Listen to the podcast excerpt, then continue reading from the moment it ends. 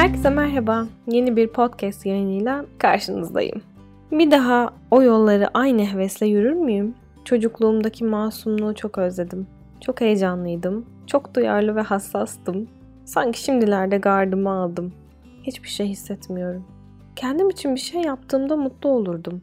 İş yerinde yaptıklarım örneğin çok önemliydi. Başarılı hissederdim. Haz alırdım. Şimdi olmayacak bir şeyi olurduğumda bile çok normalmiş gibi geliyor. Herkes beni takdir ediyor ama ben hiçbir şey hissetmiyorum. Gerçekten izlediğim şeyden keyif almayı, gittiğim yeri sindire sindire gezmeyi özlüyorum. Aşık olmayı istiyorum.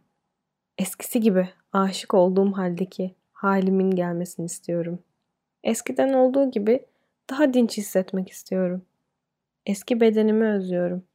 Ne kadar hoyrat davranırsam bile hiç teklemediğim günleri. Bilmiyorum bu cümleler size tanıdık mı? Ben sıklıkla duyuyorum. Hatta aralarından birkaç tanesini söylüyorum da. Eskisi gibi olmak, eskisi gibi hissetmek gibi pelesenk bir cümle var dilimizde. Yani zihinlerimizde de. Ne demek eskisi gibi hissetmek? Şu anın öncesinde var olan kendinden, akıp gitmiş bir dönemden, geri gelmesi mümkün olmayan şeylerden bahsediyoruz elbette. Ve bunu söyleyen kime rastladıysam bir şey hissetmediğini söylese de biraz kırgın söylüyor eskisi gibi olamama halini. Biraz kırgın ve aslında biraz özlemle. Bir dönemden, bir ilişkiden, bir değişiklikten, bir başlangıçtan sonra özellikle tetikleniyor bu his bence. Pandemi bize bunu söyleten çok önemli bir dönemdi örneğin. Pandemiden önce ah hiç böyle değildim.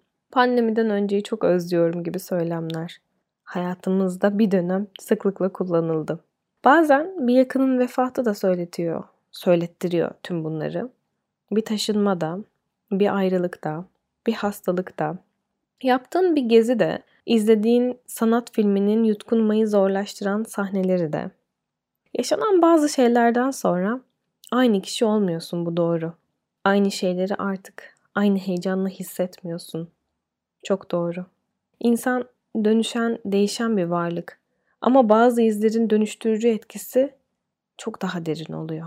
Dönüşemeyip o izle kala kaldığındaysa bence biraz hissizlik başlıyor. Hepimizin bir dayanma kapasitesi var çünkü. Bunu fiziksel olarak da düşünebilirsin.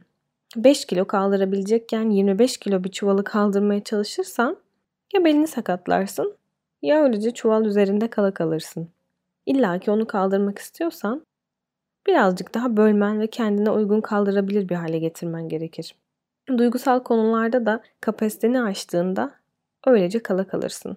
O kadar şeyi nasıl yorumlayacağını, ne şekilde düşünüp hareket edeceğini ve nasıl aksiyona geçeceğini bilemediğin ve o süreç fazla geleceği için aslında sistem sana hiçbir şey hissettirmemeye başlar. Yani dur bak bakalım bunu bu kadar kaldırdın ama şu an bedenin iyi hissetmiyor. Sakatlanacaksın. En iyisi sen bir otur, bir kendine bak.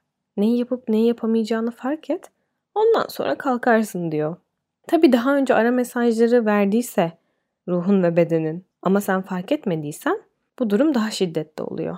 Yani bedensel ağrılarını, uykusuz gecelerini, duygusal dalgalanmalarını, ani öfkelendiğin ya da duygusallaştığın anları sen görmedikçe, tüm bunlara kulak asmadıkça sen çok daha onu duyabil diye bedenini ve ruhunu sinyaller gittikçe artmaya başlıyor. En son sinyallerin artmış olduğu noktada hissizleşmek aslında. Bu yüzden normal temponuzdan farklı yaşadığınız şeylere dikkat kesilip acil müdahalelerde bulunmak aslında ruhsal olarak hayatınızı kurtarmak demek. Yani bir nevi fazla yüklendiğiniz için şartları atıyor ve hissetmemeye başlıyorsunuz ya. O yüzden ara ara o elektrik kaçaklarını yakalamak gerekiyor. Bazı zamanlarda beklentilerin çok olması ve belirli tanımlamalar içine sıkıştığımız için de bu hissizlik döneminin geldiğini düşünüyorum.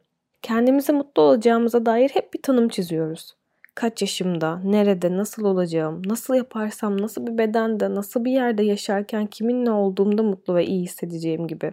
Elbette hedef belirlemek, mutlu olacağın şeyleri bulmak ve çabalamak önemli. Ama aynı zamanda da tüm bu hedeflerin olmama, gecikme ya da hayatın seni çok başka bir yere götürme ihtimalinde yaşayacağın hayal kırıklığını da beraberinde getirdiğini unutmaman gerekiyor. Yani hayatın ne getireceğini kabul ederek olan şekliyle mutlu olmak ve öyle hedefler belirlemek isteklerinizi yaşayamadığınız noktada sizi daha az hissizleştirir konuma getiriyor. Yani şu olduğunda mutlu olacağım demek yerine şu an olduğum haliyle nasıl mutlu olurum ve hedefime nasıl ilerlerim gibi bir düşünce aslında sizi koruyucu bir faktör olarak hayatınıza idam ettirmenize sebebiyet veriyor. Aynı zamanda tabii bir döngü var. Hissizlik ataleti, atalet sürekli olarak yerinde saymayı getiriyor. Sevdiğin şeyleri hatırlaman gerekiyor bu yüzden kendini hevessiz hissettiğin dönemlerde.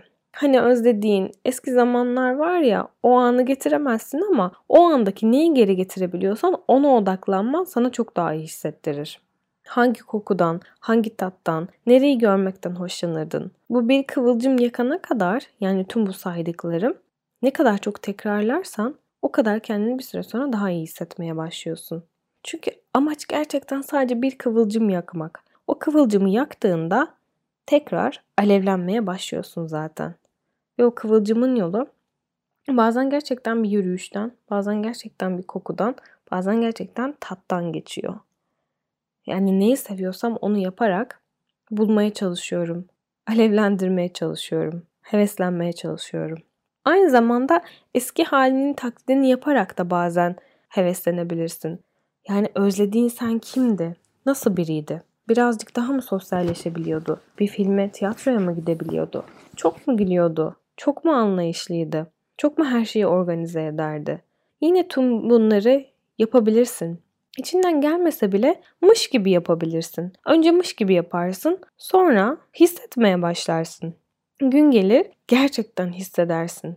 Önceden ne yapıyorsan, ne heveslendiriyorsa, nasıl biriysen birazcık o heyecana, o role bürünebilirsin. Bir daha o yılları aynı hevesle yürüyebilirsin.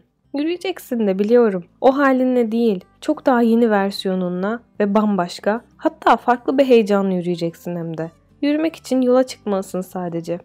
Hevesleneceğin yollara gelene kadarki sapakları, kayboluşları, dinlendiğin yerleri kabul etmeli ve hissizleştiğin yerlerin tekrar toparlanmak için güç toplama hali, yeri olduğunu bilmelisin. Yine yeniden o yolları aynı hevesle yürüyeceksin.